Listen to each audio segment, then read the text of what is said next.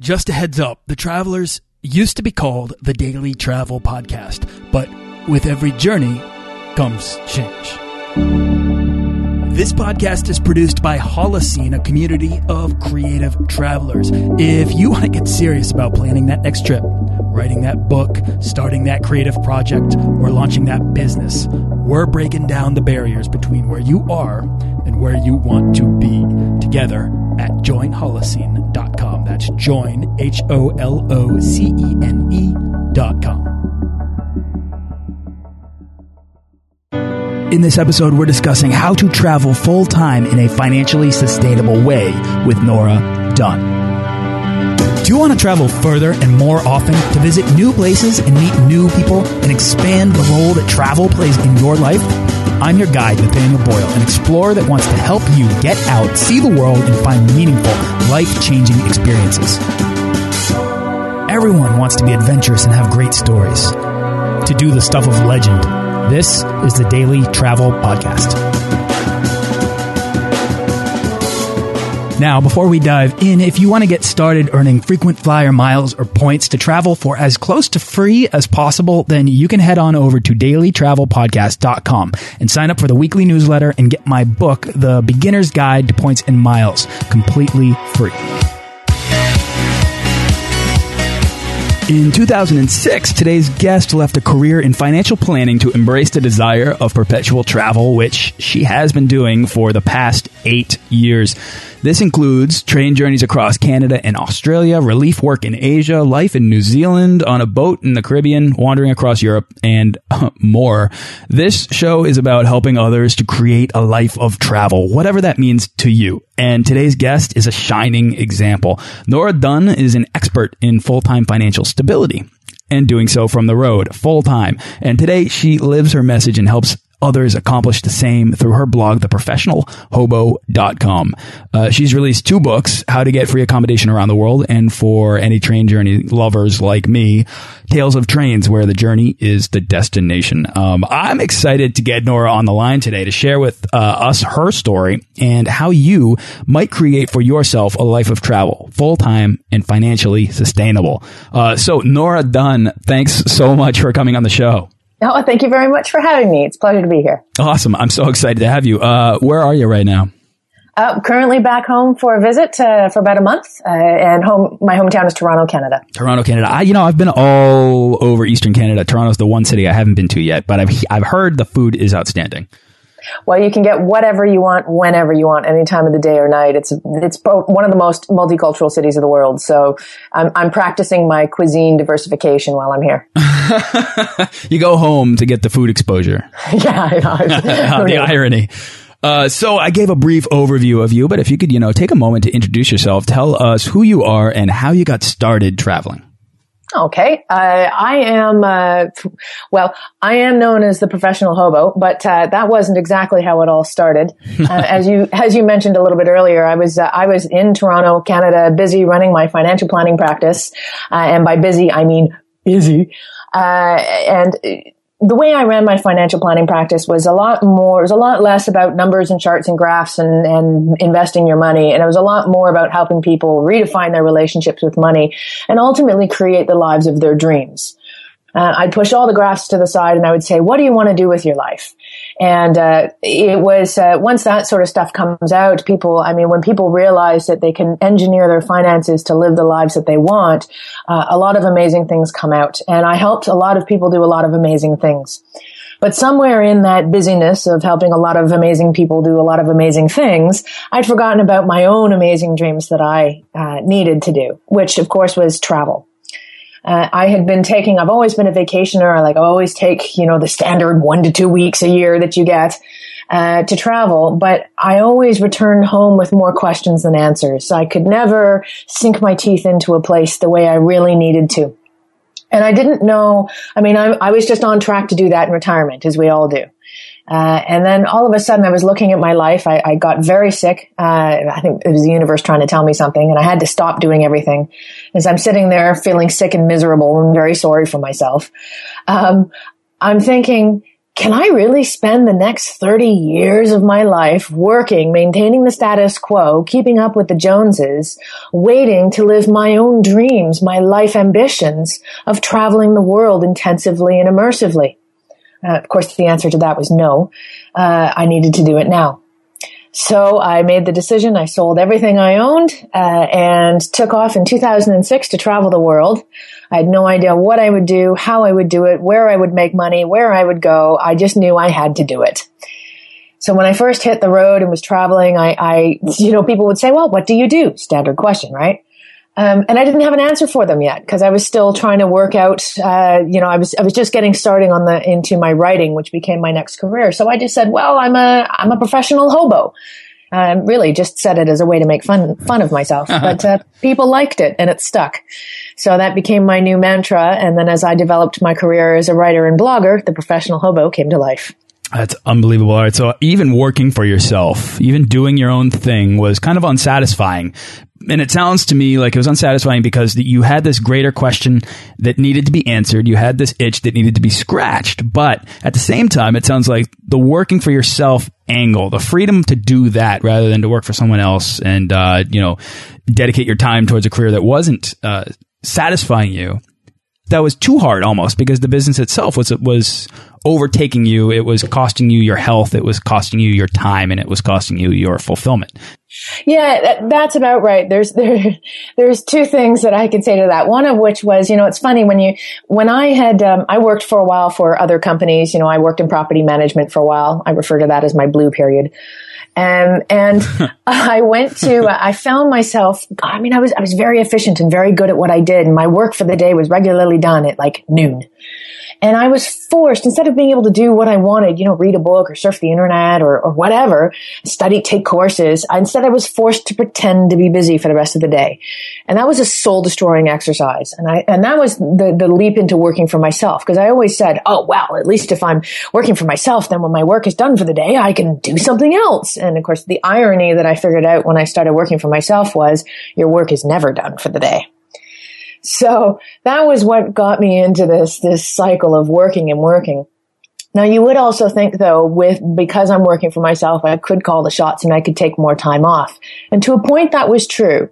Uh, the last uh, official vacation I took when I was working for myself was I spent a month in South Africa. And taking a month off to the people around me, they thought I was absolutely nuts. Oh my gosh, you're taking a whole month off. What are you going to do? That's irresponsible. What about your clients? Da da da da da. And it was just, people thought I was just loopy for taking a whole month off. And I thought, well, at least, at least if I take a month off and go to, to it was a trip to South Africa, maybe, just maybe I can get what it is that I want out of travel. Maybe I can crack the code of the country that I'm visiting. And in spending that month in South Africa, I met a lot of people. Um, often there's, there's a heavy European influence down there, and they would say to me, "Oh, Nora, how many months are you here for?" And I would look at them like they were daft. Months? Are you kidding me? I've only got weeks, days. In fact, I've only got hours. Let's go. And that was when I realized that there was a really big disconnect, especially in North America. It's such a work heavy culture.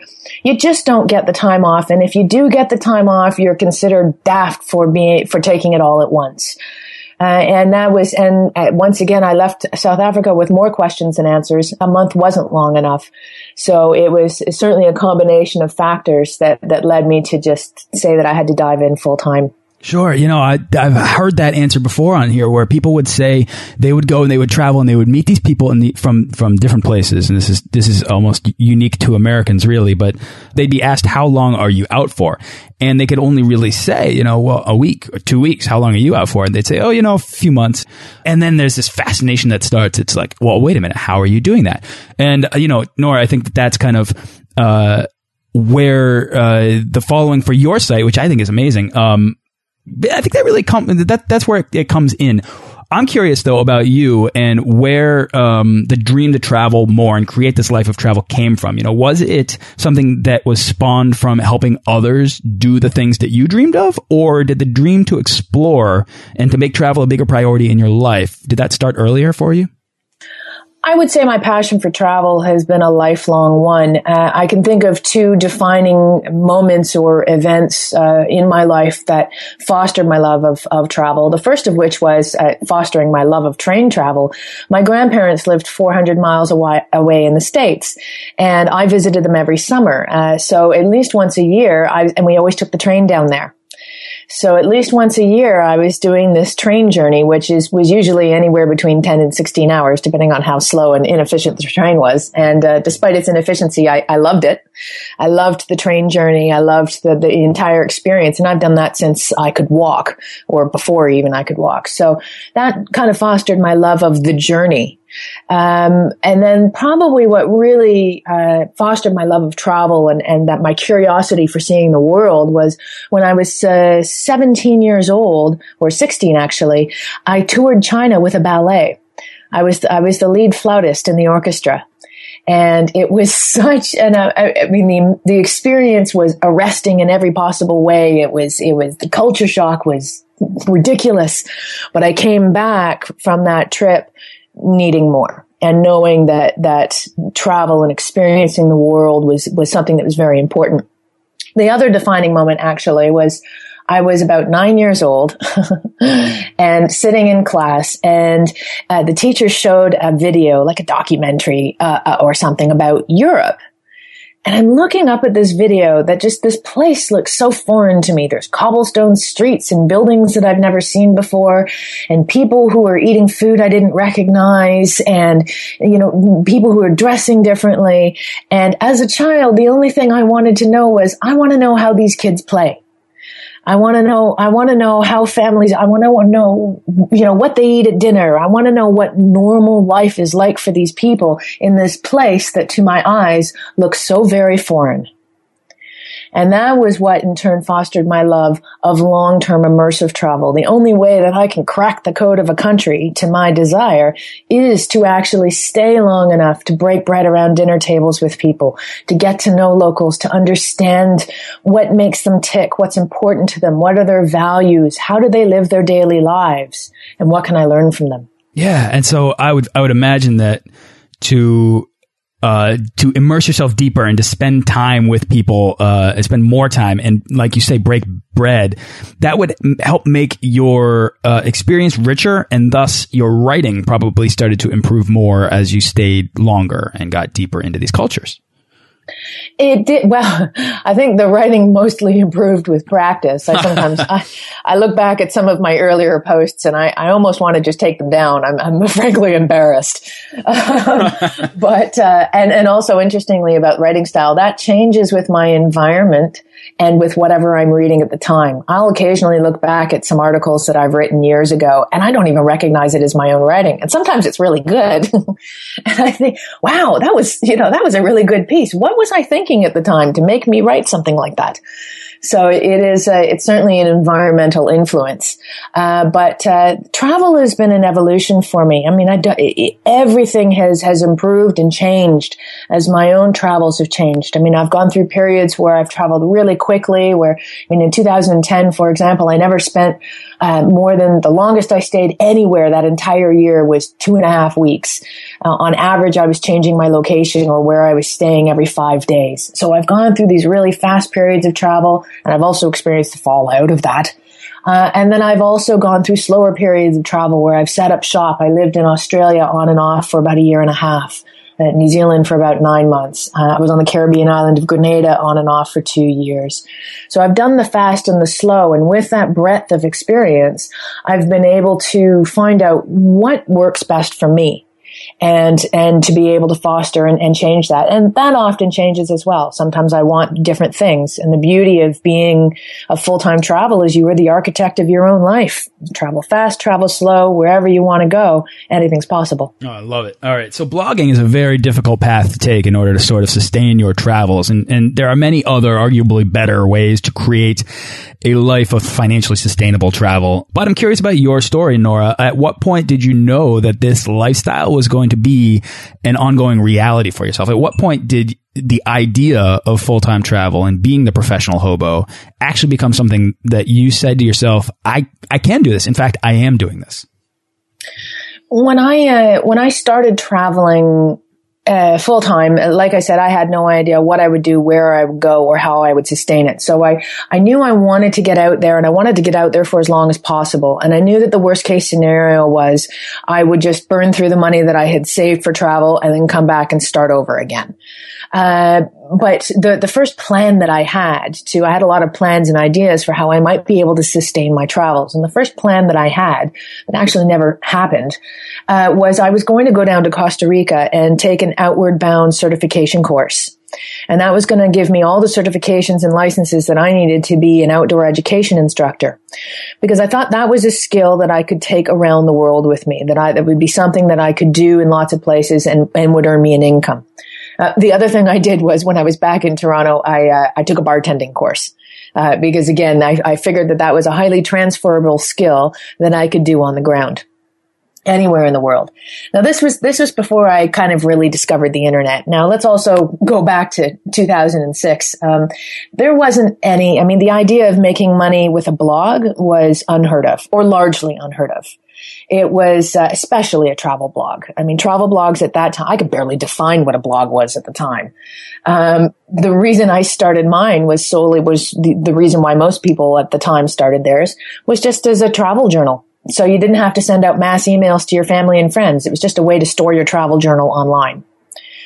Uh, so that was that was all that was there. But as I was clicking around, as I was setting up my blog and enjoying that process purely as a as a recreational exercise, something did click in me, and it probably clicked about six to eight months into my travels.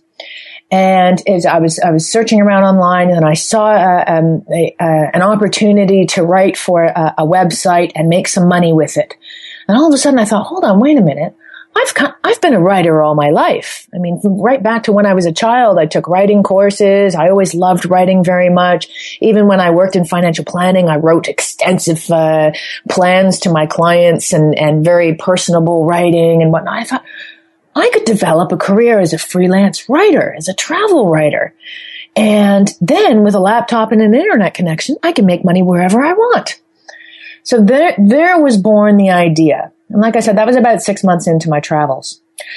I also knew that it was an uphill battle, that working as a freelance writer for, for internet and print, uh, whatever medium you wanted to work with, uh, took a lot of time. You'd have to develop a portfolio. You'd have to start working for very small amounts of money in order to get those bylines and published articles and then work your way up from there. So I gave myself two years said, all right, I'm going to, I'm going to put in all my effort that I can, practically full time hours for very little pay.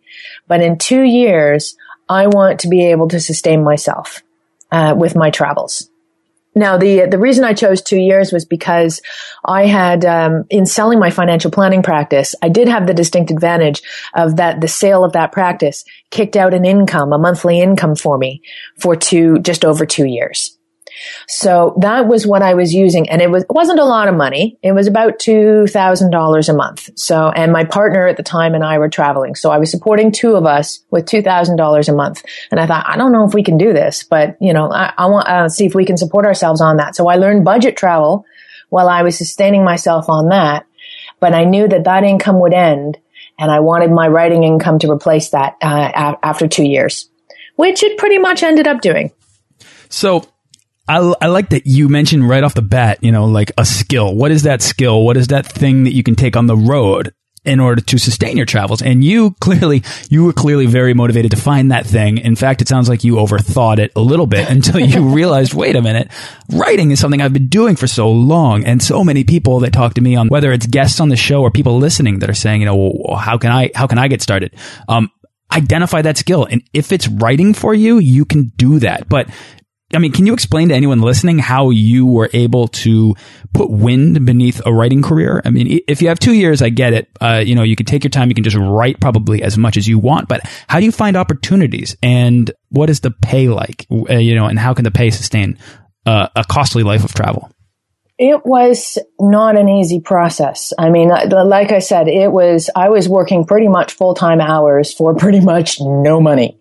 Uh, but I had the luxury of being able to do so because of the income that was coming through from the sale of my business. So I just threw myself into it. Um, I used the internet to research writing opportunities. I subscribed to uh, uh, newsletters that I thought might help me. I read and read and read all the articles I could about it.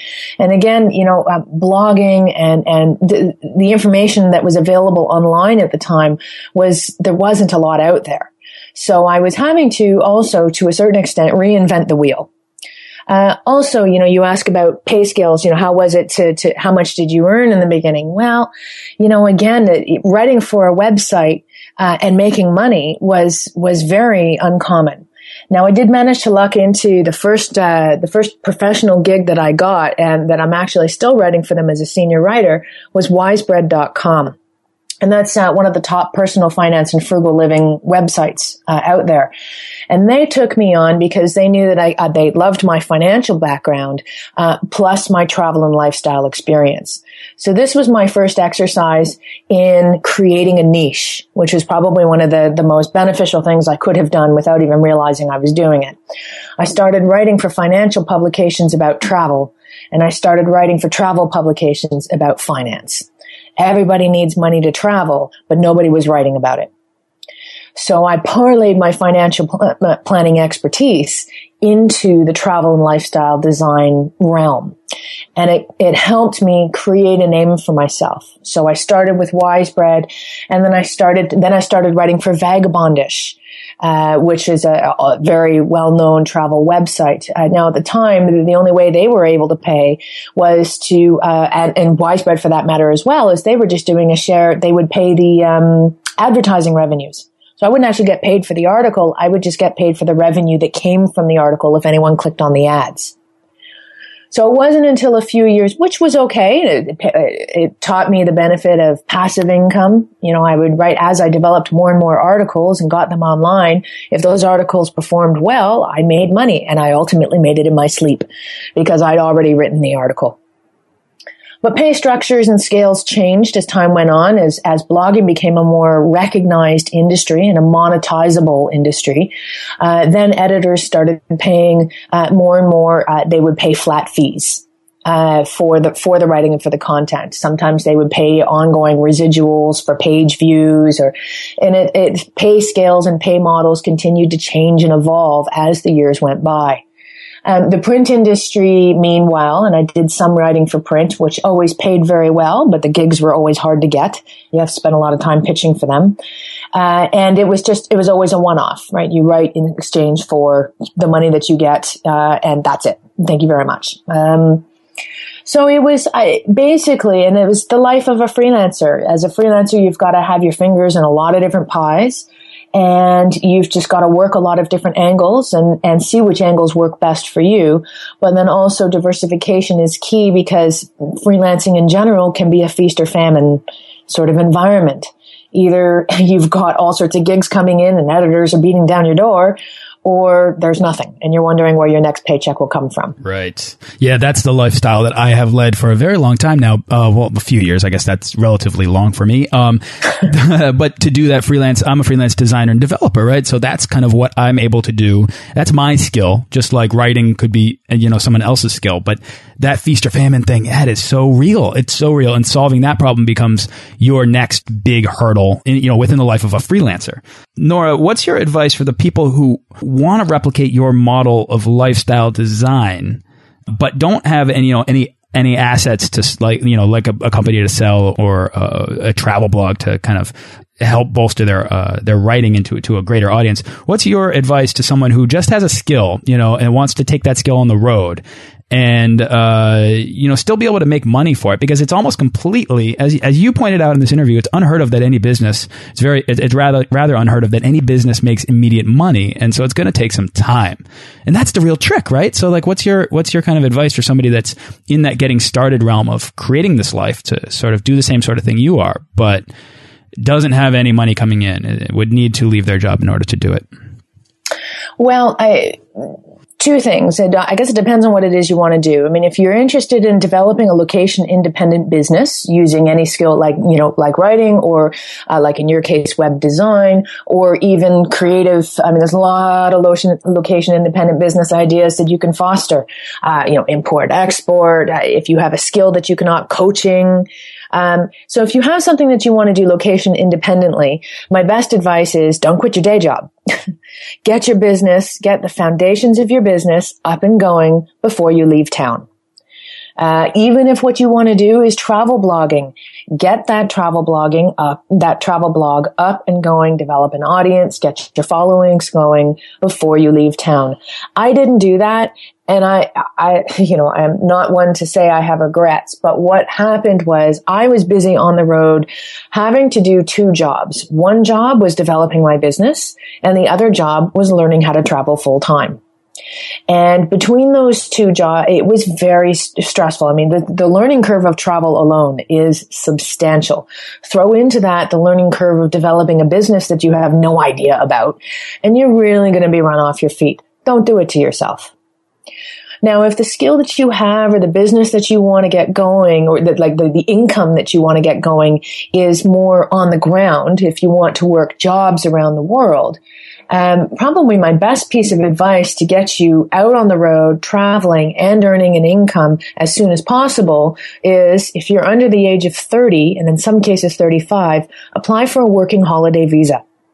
They're available to, depending on, on your citizenship, they can be available to various con- countries around the world. Um, Americans, I believe, can get working holiday visas in New Zealand, possibly Australia, and um, maybe Singapore. I'm not sure. There's some interesting student exchange programs with Singapore and some countries in Europe, and that gives you a chance to get your feet on the ground in a different country uh, and get any job you want. I mean, you can. They're intended for seasonal travelers, right? You just kind of get a, a just a job here or there, and you know whether it's picking fruit or working in a coffee shop because you just work for a couple of months and then you take off and you travel to another location and then you get a job there. But I also know people who have used working holiday visas to relocate themselves. They've ended up getting a job that has been in their area of career expertise to begin with, and they've really enjoyed it. And then they've they've sunk their teeth into that company, and then that company has gone on to sponsor them on to give them a continuing working rights in that country. Absolutely. Now, New Zealand makes this readily available for young Americans, and I'm yes. spe speaking from experience. I, you know, had a, uh, I got one, and it was no problem. And finding a job uh, as a bartender in Christchurch was also not hard for me. I maybe, maybe ran into some complications because I wanted to work in Queenstown and the season wasn't right, so nobody was hiring. But once I got to Christchurch, you know, that's not it's not a seasonal environment. It's kind of a, a city that's always moving and finding that job was was not hard for me. And I think anyone can do it if that sort of experience of of being a bartender in in a place like New Zealand or or Singapore or elsewhere, uh, if that appeals to you, it's out there. And uh, you know that's a great that's a great way to sort of get your feet wet on the road without the burden of starting a business first. Exactly. You've been listening to the first part of an inspiring conversation with Nora Dunn. Tune in to the next session for Nora's advice on crafting a life of full time travel in a financially sustainable way. Plus, get her best travel advice. Thanks for listening to this episode of the Daily Travel Podcast. For show notes and links to everything in this episode and more, head on over to dailytravelpodcast.com. Join our Facebook page of explorers and subscribe to our newsletter for the best deals and resources to help make your next trip life changing.